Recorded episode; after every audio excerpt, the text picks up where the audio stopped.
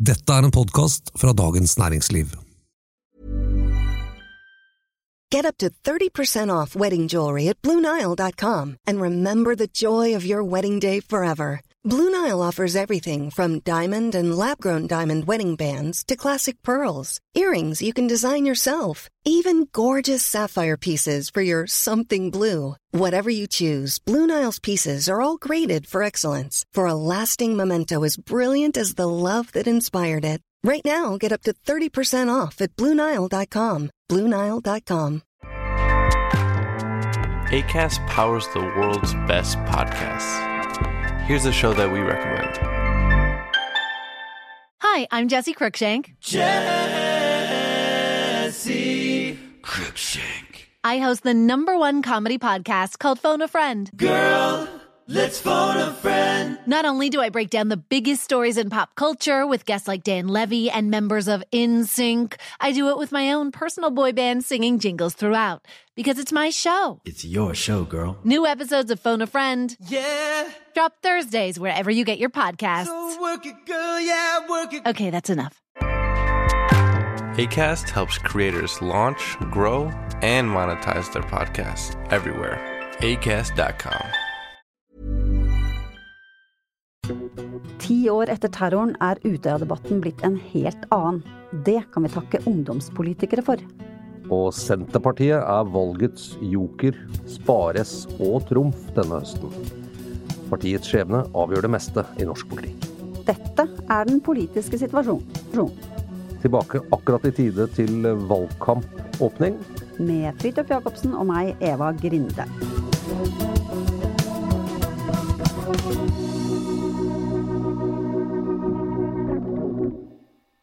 Det er særlig ett politisk tema som har dominert i sommerukene mens vi har hatt eh, ferie. Ja, eh, det er jo Utøya. Det har gått ti år siden eh, terrorangrepet. Hva i all verden var det som gikk av Fabian Stang her før helgen, Eva? Nei, det var det jo mange som lurte på. Han eh, var ute på sin Facebook-side og gikk til frontalangrep på Arbeiderpartileder Jonas Gahr Støre. Støre hadde etterlyst eh, klarere oppgjør med høyreekstremismen fra høyrepartiene, altså fra høyresiden i politikken. Dette har jo vært et av temaene som har vært diskutert i sommer, ikke sant. Eh, og det oppfattet eh, Fabian Stang som et svært eh, utidig forsøk på å gjøre Utøya-terroren til partipolitikk. Og som et angrep på partier som hans eget. Altså at Støre nærmest sa det samme som at Høyre og andre høyrepartier er, eh, har skyld i terroren. Da, Det var ganske heftig. Ja, og, og på en måte minner jo litt om den eh, ganske vanskelige høsten 2011, da dette her eh, var en diskusjon. Eh, Breivik hadde vært medlem i Frp. Frp var det mest åpent innvandringskritiske partiet. Eh, hadde de skyld, hadde de ikke skyld? Hvordan skulle Frp knyttes, eventuelt ikke knyttes til dette? Det var jo en del som ønsket å knytte dagens Frp eh, på en eller annen måte til eh, ugjerningene på Utøya og i regjeringskvartalet. Men det ble jo tatt ganske effektivt ned den gangen. Ja, blant annet av han som da var statsminister og ansvarlig for eh, landet som sådan, og for å, for å for å på en måte romme denne nasjonale krisen på vegne av alle, som Jens Stoltenberg, eh, var jo også veldig opptatt av at, ikke skulle, at det ikke skulle gå partipolitikk i denne, i denne debatten om Utøya, rett før et valg og så videre. Og så gikk det kanskje litt langt. Mm. Eh, eller det tok i hvert fall veldig lang tid før man kunne få lov til å begynne å snakke om at dette faktisk var et politisk angrep ikke sant? på et politisk parti, på en politisk ungdomsorganisasjon osv. Mm. Og så har vi hatt, eh, hvis vi hopper helt til denne våren her, da, så har jo dette spørsmålet vært eh, tatt opp og diskutert på egentlig veldig mm, bra nye måter. Og så hoppet på en måte Fabian Stang rett tilbake i loppekassa. Eh, med, dette, med de holdningene som egentlig mange kanskje hadde i høsten 2011, men som nå de aller fleste har kommet litt videre fra. Hvor, hvor har han vært, på en måte, de siste, denne våren? Fabian? Ja, det har vært en interessant debatt, og den har jo også gjort at bl.a. vi i DN og andre har jo sett på lederartikler og ting vi gjorde den gangen med et nytt blikk. Jeg, jeg, vet ikke, jeg skal si at Alle husker jo på en måte den tiden, men det var jo veldig mye som skjedde. Men det har vært interessant å se ti år etterpå. Jeg tror at veldig mye av, av det som ble debatten om det eh, dreide seg jo eh, en, en del om eh, rettssaken, om tilregnelighetsspørsmålet rundt Anders Behring Breivik, om han var tilregnelig eller ikke, og hele denne suppa med psykiaterne som hadde utredet han, og som ikke hadde fulgt på en måte de standardene som skulle følges. Og så ble det en ny utredning, og så hadde man to eh, forskjellige psykiatriske utredninger med forskjellig konklusjon, som mange husker. Det var veldig mye debatt om det. Jeg husker også at eh, Stoltenberg faktisk i et intervju eh, i VG eller Dagbladet eller noe sånt den høsten sa det at det ville være en fordel om han ble kjent tilregnelig. Det var jo spesielt uh, uttalelse fra en statsminister i en straffesak å, ha noen mening om det, men uh, Men det sier jo litt om ja, hva slags det, sak dette liksom var, ikke sant? Litt, ja, og så kom 22. juli-kommisjonen og hele oppgjøret med manglende beredskap osv. Så, altså, ja. så det med høyreekstreme og de holdningene, det, det forsvant litt da i den store debatten. Samtidig så, så er jo hele den tilregnelig, ikke-tilregnelig-debatten egentlig veldig sånn sentral i det spørsmålet om, om motivasjon ikke sant, for, u, for ugjerningen. Fordi at hvis, hvis Anders Behring Breivik hadde blitt eh, dømt utilregnelig, så er det på en måte et annet spørsmål. Da er han enda mer en eh, tilfeldig psykisk forstyrret person som ikke inngår i et større, på en måte en større politisk sammenheng, ikke sant. Mm. Sånn at det var vel også noe av bakgrunnen for at det er en fordel om Altså for den uttalelsen om at det er en fordel om at han, at han blir et, uh, dømt. Vurdert tilregnelig, da. Ja, jeg, jeg tror det. Så, ja, og så, så, har vi jo sett uh, i årene etterpå uh, Det har jo vært mye fæl terror i, i den vestlige verden etterpå. og mye av det har hatt utspring fra IS. vi husker jo Paris, NIS, forsøket i Stockholm. altså veldig mye har hatt tilknytning til, til det. Eh, men også en del eh, høyreekstremt, på en måte eh, I hvert fall ideologiske type angrep. Både i Australia og andre steder, og også dette skal man si, angrepet til han Philip Manshaus mot moskeen, som riktignok fikk et tragisk utvalg ved at han drepte søsteren sin, men, men, som jo ble avverget før han kunne gjøre noe skade i den moskeen av, av de som var der men som også hadde en type høyreekstrem eh, radikaliseringsprosess på nett, og, og, kunne minne litt om det vi lærte etter å ha sett rettssaken om Breivik. Så jeg Ikke bare altså det, ja, Manshaus har de vel egentlig funnet ut at var en, en stor fan ja, av Anders ja. Behring Breivik. Altså det henger ute i de mørke internettirrgangene der, så er det en verden som henger sammen. Mm. Eh, på en måte som man kanskje ikke har orket å ta i helt, i hvert fall ikke oppe i den offentlige debatten. Eller i hvert fall er det noe av det som AUF etterlyser, da. For de er opp, de er jo utsatt for denne gjengen her hver gang de på en måte prøver å ta opp disse spørsmålene. Det er jo helt uh, hårreisende og sjokkerende hva man har fått vite at uh, hva slags type meldinger som kan dette inn i innboksene til AUF-ere og overlevende som prøver å fortelle om sin opplevelse, eller særlig hvis de har noen meninger om den politiske bakgrunnen, da. Mm, mm. Jeg, jeg syns denne sommeren, til å være en tiårsmarkering, synes jeg faktisk det har vært en ganske god debatt og ganske opplysende. Jeg syns vi har kommet et hakk eh, videre også, fått ny kunnskap og kanskje nye måter å se ting på. Ja. Og kanskje måtte det ta så lang tid før vi kunne eh, gå løs på det. Jeg tror det har vært veldig vanskelig å ha denne debatten høsten 2011, for jeg tror det var det var viktig da å definere dette på en måte ut fra den etablerte politikken og de mm. politiske motsetningene. og det, det kan jeg forstå at mange sa at man må liksom ikke blande at Dette er så på en måte på utsiden. Det er et angrep på helt, helt sånn grunnleggende demokratiske verdier og politiske verdier som vi alle deler. Så hvis vi skal putte det inn og si at liksom noen partier ja. eller noen etablerte stemmer er liksom med på dette, så, så ville det blitt feil. Men, men, men, det ble kanskje litt bastant. Jeg syns det er blitt litt nyansert nå. Jeg tror historien siden en gang har vel vist oss at, eh, at det, vi kan ikke undervurdere liksom, hvilket voldspotensial som ligger i det litt sånn store eh, høyrevridde bildet med, med, med liksom disse forestillingene om at eh, en eliten har forrådt folk osv. Det, det, det, det kan være, være, veldig farlig, rett og slett. Jeg opplever også at jeg har fått en personlig, og jeg, jeg syns andre også sier det, fått en, på en måte en dypere forståelse av hva hva dette var for noe. Og det er jo det er også veldig spesielt å Altså dette med at det på en måte både var vår alles opplevelse og, eh, og et, en politisk bevegelsesopplevelse og individers psykologiske opplevelse, gjør jo hele saken veldig kompleks, ikke sant. Og det er klart at eh, overlevende fra Utøya eier sin egen historie, åpenbart. Samtidig så, når de forteller om denne historien til andre, så vil alle andre huske hvor de var da det skjedde. Alle andre vil på en måte eh, huske sine egne følelser i forbindelse med det.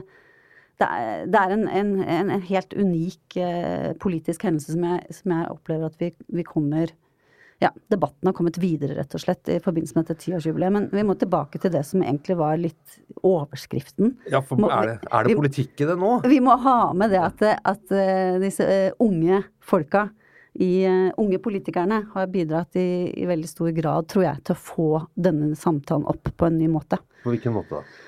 Uh, altså, jeg har um, For det første så var det jo aller, en av de aller første som protesterte kontant på Fabian Stangs uh, Facebook-post. Det var jo Sandra Bruflot. Uh, 29, tidligere Unge Høyre-leder. Nå stiller som stortingsrepresentant for, for Høyre. Veldig, veldig klar på at hun var helt uenig. Høyre har et spesielt ansvar til å motsi høyreekstremisme. Bare en sånn ting er en ny type en ny type budskap fra høyresiden. Og det begynte mye før, og jeg tror kanskje altså Det er jo ikke noe tvil om at AUF selv har jobbet veldig systematisk og bra med dette. Blant annet så ga de ut en bok i april som de sendte, som de trykka opp i 10 000 eksemplarer og ga ut gratis. Og blant annet også til alle eh, ungdom, ledere av ungdomspartiene i de andre partiene med påskriften 'Husk det er lov å være uenig'. Og så Hvis man går tilbake, så ser du at allerede i begynnelsen av mai så skrev Unge Høyre-lederen en, eh, en, kronikk der han uh, mente at AUF har stått altfor mye alene i denne saken. Uh, du har hatt uh, en, direkte unnskyld fra Unge Venstre-lederen. Eh, Fremskrittspartiets ungdomsleder har også vært eh, ute og eh, ytre seg direkte om dette. Så jeg tror de har beredt grunnen for en annen type samtale om det, som jeg Ja. Som jeg, AUF har selvfølgelig dytta på, men det er blitt tatt imot. Og det, det lover litt bra, syns jeg, for fremtiden. For, ja, for, for hvem, hvem, skal eie fortellingen om mm. hva dette egentlig var? Jeg, jeg tror hvis man ser på noen tiår etterpå, så så ble fortellingen om Utøya stort sett eid av på en måte den voksne, etablerte generasjonen. Mm. Eh, og, og, Stoltenberg og andre. Og, og det, det, var nå deres jobb den gangen. Det, det er både naturlig og, og, ikke så oppsiktsvekkende at det ble sånn. Men, men angrepet på Utøya, som var et angrep på ungdom og på et ungdomsparti, så er det et eller annet med denne som gjør at det om at denne fortellingen på en måte blir skrevet og eid og fortalt videre av de som faktisk var Eh, målet for terroristen, og som faktisk eh, ble skutt og drept og såret, eh, og, og gjennomgikk jo ting som jeg tror de færreste av oss egentlig klarer å forestille oss, selv om vi både har lest beretninger og hørt på rettssaken. Så er det er jo en grusomhet som, som er helt forferdelig. Så, så, er det noe kanskje moralsk riktig at deres måte å fortelle om dette på får en større plass enn på en måte de voksne eh, som skrev fortellingen den gangen, da, tror jeg. Altså, og så, så, mener jeg at den måten AUF har da invitert de andre på en måte eh, jevnaldrende, for å si det sånn, inn i den debatten, eh, og det har foregått litt under radaren før den nå kom opp, liksom, i forbindelse med jubileet, det, det tror jeg, det syns jeg det ser ut som at har, eh, har virkelig bidratt til den endringen som vi nå opplever da, i debattklimaet. Ja, for, for, i den generasjonen, altså de som da eh, nå på en måte er ledere i AUF andre steder, men som, som er, man kan kalle Utøya-generasjonen, eh, så er det jo ikke noe særlig politisk strid om hva det var som egentlig hendte, så vidt jeg kan se ut fra det vi har lest der. der er, eh, denne fordelingen er litt annerledes enn i voksengenerasjonen, for å si det sånn, men, men den men den er ganske sånn omforent. Man er ganske enige om dette og, og, legger mye mer vekt på den politiske dimensjonen, at det var et politisk motivert angrep enn kanskje eh, vår generasjon gjør. Da, jo, Ja, eller i hvert fall så er det ikke, tydeligvis ikke den redselen for å, å si at uh, her er det noen holdninger vi alle er imot. Og, uh, og det er ikke den derre uh, liksom, følelsen av at med en gang man snakker om høyreekstremisme, så er det et angrep på, på alle som er til eh, høyre for sentrum. Eh, man ser på det på en annen måte og greier å Og det tror jeg er egentlig en forutsetning for å kunne snakke om også den dimensjonen, da. Selv om den, den er jo på en måte, Den kommer jo i tillegg til den personlige og er egentlig noe annet. Ja, som jeg snakket om i stad. Altså, det er veldig sammensatt. Det, Det, det, det der generasjons... Eller hvis du nå er jo inne på litt sånn om det er en slags generasjonsgap, da, eller, eller en uh, i, i, i politikken. Det, for et par år siden så var jeg på Arendalsuka og, og var med på en debatt eh, som Norsk olje og gass eh, altså, hadde, faktisk, men som handlet om eh, handlingsregelen og bruk av oljepenger.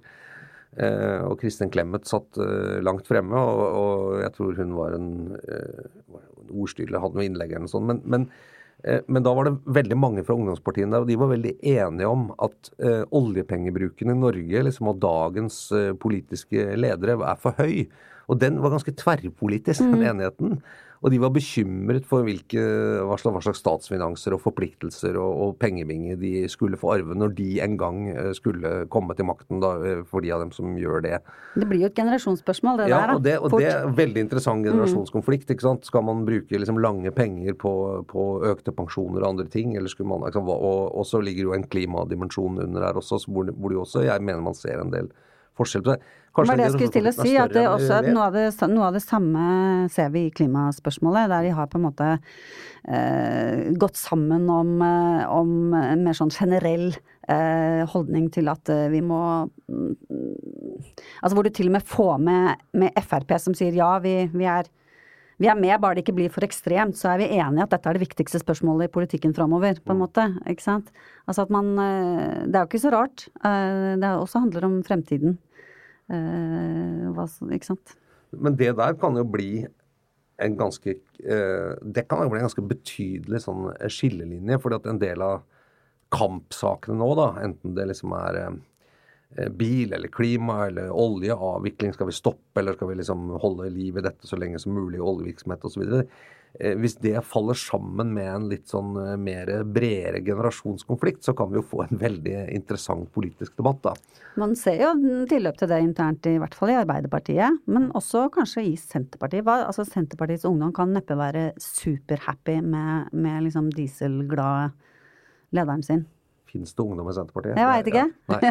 ja, gjør det noe Det var flåsete. Det var sleivete. ja, Men, men eh, de er ikke så tydelige. Men, eh, nei, men, men altså det, det der Og jeg ser også en del sånne verdispørsmål eh, som har f.eks. med eh, transpersonspørsmål, med bioteknologi og den typen å gjøre også, så er det også ganske mye mer enighet eh, i, altså i den liberale enden da, hos flere ungdomspartier enn enn det er med, i de voksne delene av partiene. Det, det syns jeg er ganske Jeg tror det ligger noe der som kanskje ikke skal helt eh, eh, underkjennes. Så det blir litt spennende å se hvordan det politiske landskapet eventuelt endrer seg. Det blir kjempespennende. Og det skal hva skal de være uenige om? ikke sant? Men du Eh, tok ikke mitt, mitt finfine opplegg til en overgang.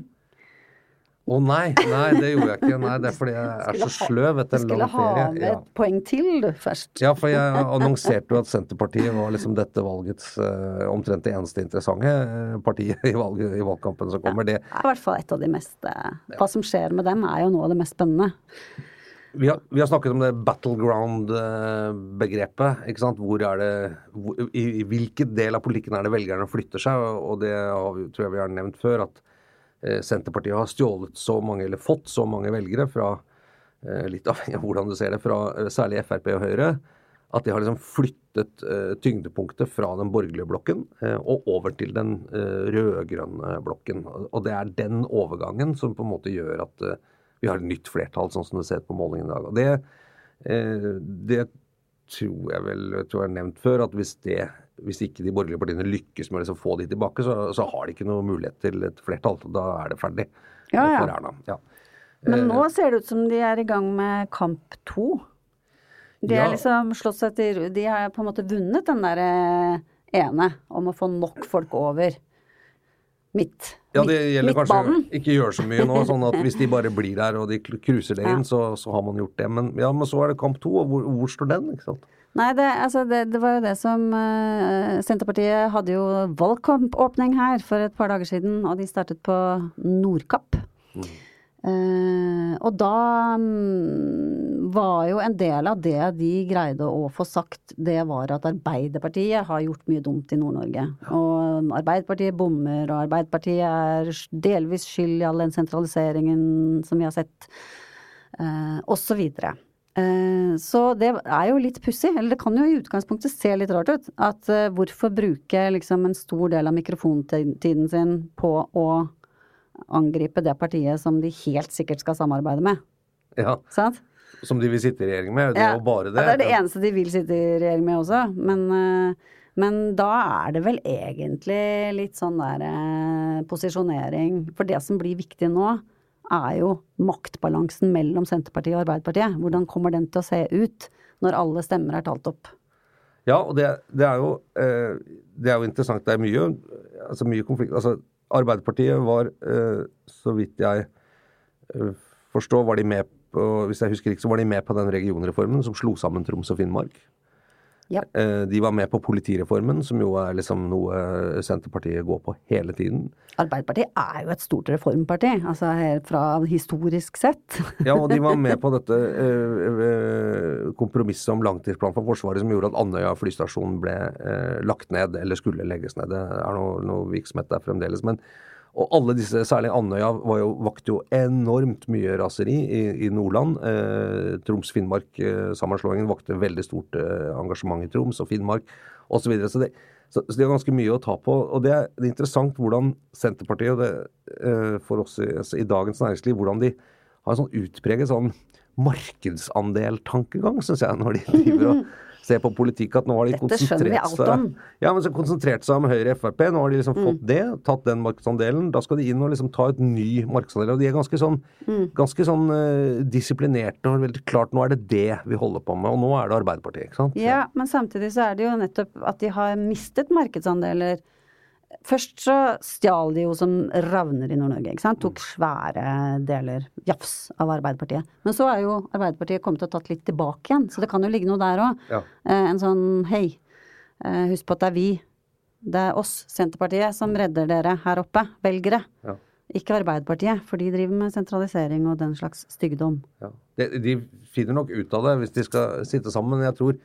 Hvis, du får en, eh, en Når vi kommer til 13.9, og, og inngangen i det valget er at eh, det ene partiet av de to er på vei opp, altså har liksom hatt en stigning opp i valgkampen, så har de fått flere og flere, mens det andre er på vei ned, eh, så vil det ha en innvirkning på hvordan disse forhandlingene blir etterpå.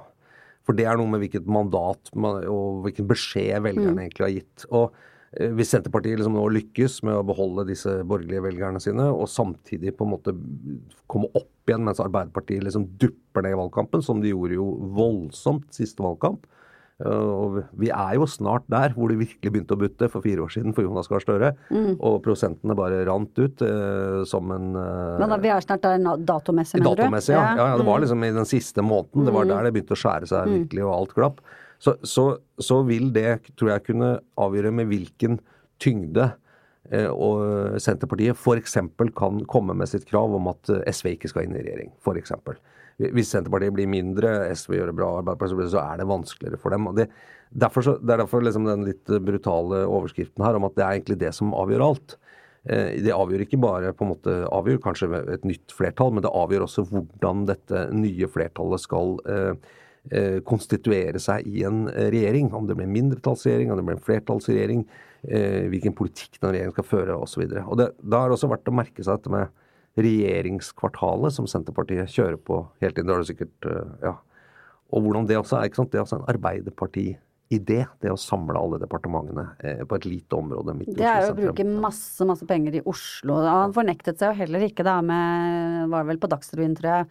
Han snakket om at vi er, vi er nødt til å få inn en regjering som ikke tror hele Norge er i Oslo sentrum. Eller noe sånt. Det er ganske drøyt å si, da. Eh, og du hadde sett noen plakater rundt omkring. Hva var det Hele Norge? Ja, ja, ja altså, jo, på, på noen busstasjoner rundt i Oslo. Som, I Oslo eh, sentrum, Ja, ja, som er så, så, der er det jo sånn, eh, sånn DK, sånn der, de driver busstasjon. Så kan du kjøpe sånne boards. Der henger jo reklame for Stratos og Kronis og stort sett. Men nå var det mye politiske ting, og det var, eh, Senterpartiet sin var et bilde, et ganske godt bilde av Trygve Slagsvold Vedum. Han, han var til å kjenne igjen. Det var ikke som det der bildet av Jonas Gahr Støre for fire år siden, hvis man husker det. Man Han så veldig rar ut med smilte med tennene og sånn. Det var et bilde som ja, forstyrret det, ja, når du sier det, det husker jeg. Men han så veldig, altså han, han var blid, han står Ja. liksom i den der dressen og den åpne hvite skjorta, og så foran og sånn, og så bak, og så under så står det bare to ord. Hele Norge. Ja. ja, men det er? For alle veit hva det da betyr, for at den kommunikasjonen har de kjørt rimelig effektivt. Eh, bare sånn helt på tampen her, så det var morsomt å, å se også de reaksjonene du, du la ut en post i sommer som, eh, med to bilder av eh, henholdsvis eh, Sylvi Listhaug og Slagsvold Vedum. Ja, en liten kollasj, ja. En liten kollasj. Det var flere bilder. Med masse sånn flagg og nasjonalromantikk. Flere var det, ja. ja. Stemmer det. Stemmer det. Og det, eh, det var jo Det ble storm. Storm og brann. Ja, det gjorde kanskje det. Jeg, jeg syns det bare var gøy. Nei, det, det det, var kjempe og veldig på sin plass, men det var liksom det, det var jo folk der som skrev Altså det det var bilde av, da, det var hvordan disse politikerne bruker bunader og norsk natur og seg selv, og hvordan de elsker Norge, og hvordan de elsker Norge mer enn alle andre, osv. videre i, sin, i sine kampanjer. Ikke sant? Og, og, men folk på tråden var bare 'Hvordan kan du si noe stygt om mitt hjemsted?' ja, det var litt mye styr. Men ja, og så var det så mye som bruk av norske flagg-emojis i tekstene som også jeg synes var litt der, der var de bare veldig like, sånn i uttrykket, de to. da, Det syns jeg var litt interessant. Ja, ja, det var det. Vi har jo snakket om det flere ganger her òg. Det, det, det, er jo, det er jo en slags konkurranse i å elske landet mest mulig. eh, Ja, og ikke minst mellom Frp og Senterpartiet. Så det skal vi nok eh, høre mer om. Ja, Hvis vi får tid og overskudd, så skal vi kanskje ha en egen sending om den eh, på en måte eh, visuelle, eh, strategiske profilen til Sylvi Listhaug på Facebook. For Ja. Den syns jeg er veldig interessant. I, dag var det vel Eller i går så var det bilde av henne hvor hun satt og spiste biff og drakk øl. Og så Ja. det liksom biff og øl er det beste. Og, sånn, Hva skjedde med fredagstacoen, var det Ja, noen som spurte da? Det var ikke fredag, da. Ikke sant? Var ikke fredag. Nei, men Nei, det er eh, ferie og sånn. Det er sant. Koselige bilder. Men det, det er et eller annet med de bildene som jeg jeg, Jeg får bare runde av med dem. Men hver gang jeg ser de bildene, så, så føler jeg liksom at hun sitter i en kulisse. Jeg tenker, Ja. Er det hjemme hos deg, eller, eller er det bare et sted hvor noen har sagt 'sitt her'? Liksom, det, jeg, det, det er et veldig interessant sånn der, eh, visuelt språk i den der Mm, kommunikasjonen her, syns jeg. Litt konstruert, bare. Litt lite, kanskje. Ja. Og så biff er jo ikke noe godt heller, men det er en annen sak. Nei, Du liker biff, du. Ja, selvfølgelig liker jeg biff. Det smaker jo ingenting. Ja, det kommer an på hvem som lager det. Men det er nå det samme. Men, eh, men uh, nå skar vi ut det, gjør det, det får vi overlate til andre å skjære ut på den måten der. Det gjør ikke vi. Uh, Så dette var den politiske situasjonen med, som eh, Stort sett, i hvert fall. Uh, og vi er i gang igjen. Uh, det blir veldig spennende uker, det må vi bare si. Nå er det litt sånn dette blir sånn, det sånn de tørrprater før et mesterskap på NRK. Men, men det blir veldig spennende uker. Eh, jeg skal ut i morgen, eh, eller nå, eller slutten av uka, reise med Erna Solberg i Trøndelag. Eh, du kommer til å være litt rundt og reise, prøve å legge litt reiseplaner. Vi skal til Arendal og Bare være der lenge. lage lenge. podder fra rundt omkring i landet nå, kanskje? Prøve, Prøve det. Ja, prøve å Prøve rapportere litt litt, og, og liksom komme litt mer med stemningen. Eh, og Det har vært spennende fram til nå, men den der tiden vi går inn i nå, når folk har vært tilbake fra ferie og valgkamp begynner for alvor, da skrus jo på en måte intensiteten og, og, og så voldsomt opp. Det er mye mer som står på spill. Det er så mye seier å ta på sånn at eh, det, Det er en eh, litt sånn krakilsk og herlig tid i norsk politikk. da, Som vi gleder oss til. som du nevnte, Arendalsuka, og der har vi vel planer om diverse. Ja, vi skal holde dere, holde dere orientert. Eh, og fortelle om det spennende vi ser underveis. Og hører. Eh, men dette var den politiske situasjonen for denne uka. Veldig fint å være tilbake. Eh, vi håper dere følger med oss eh, utover høsten også. Eh, og at dere abonnerer, og gjerne anbefaler oss til andre. Eh, vi er en podkast fra Dagens Næringsliv med Eva Grinde og Fridtjof Jacobsen, og vår produsent heter Oskar Bremer. Vi høres igjen neste uke.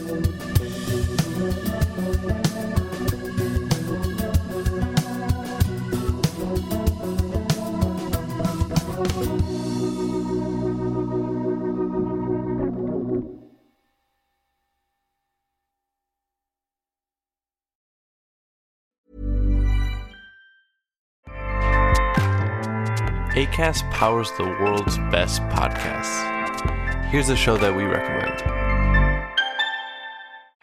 This is Roundabout Season 2, and we're back to share more stories from the road and the memories made along the way. We're talking rest stops, if we're stopping to get gas. You will be timed. you will be for sure. Misguided plans, I grew up in the city, so I have like, you know, a healthy fear of real extreme darkness. this was like wilderness. a lot of laughs, Y'all weird, but you, yeah, you, you were different. Like you were real different, bro. I can't really put my finger on it. and so much more. Just goes to show that unexpected things sometimes are the best when it comes to a road trip. Roundabout Season 2, presented by Nissan, is live now with new episodes rolling out every Thursday. Listen and subscribe wherever you get your podcasts.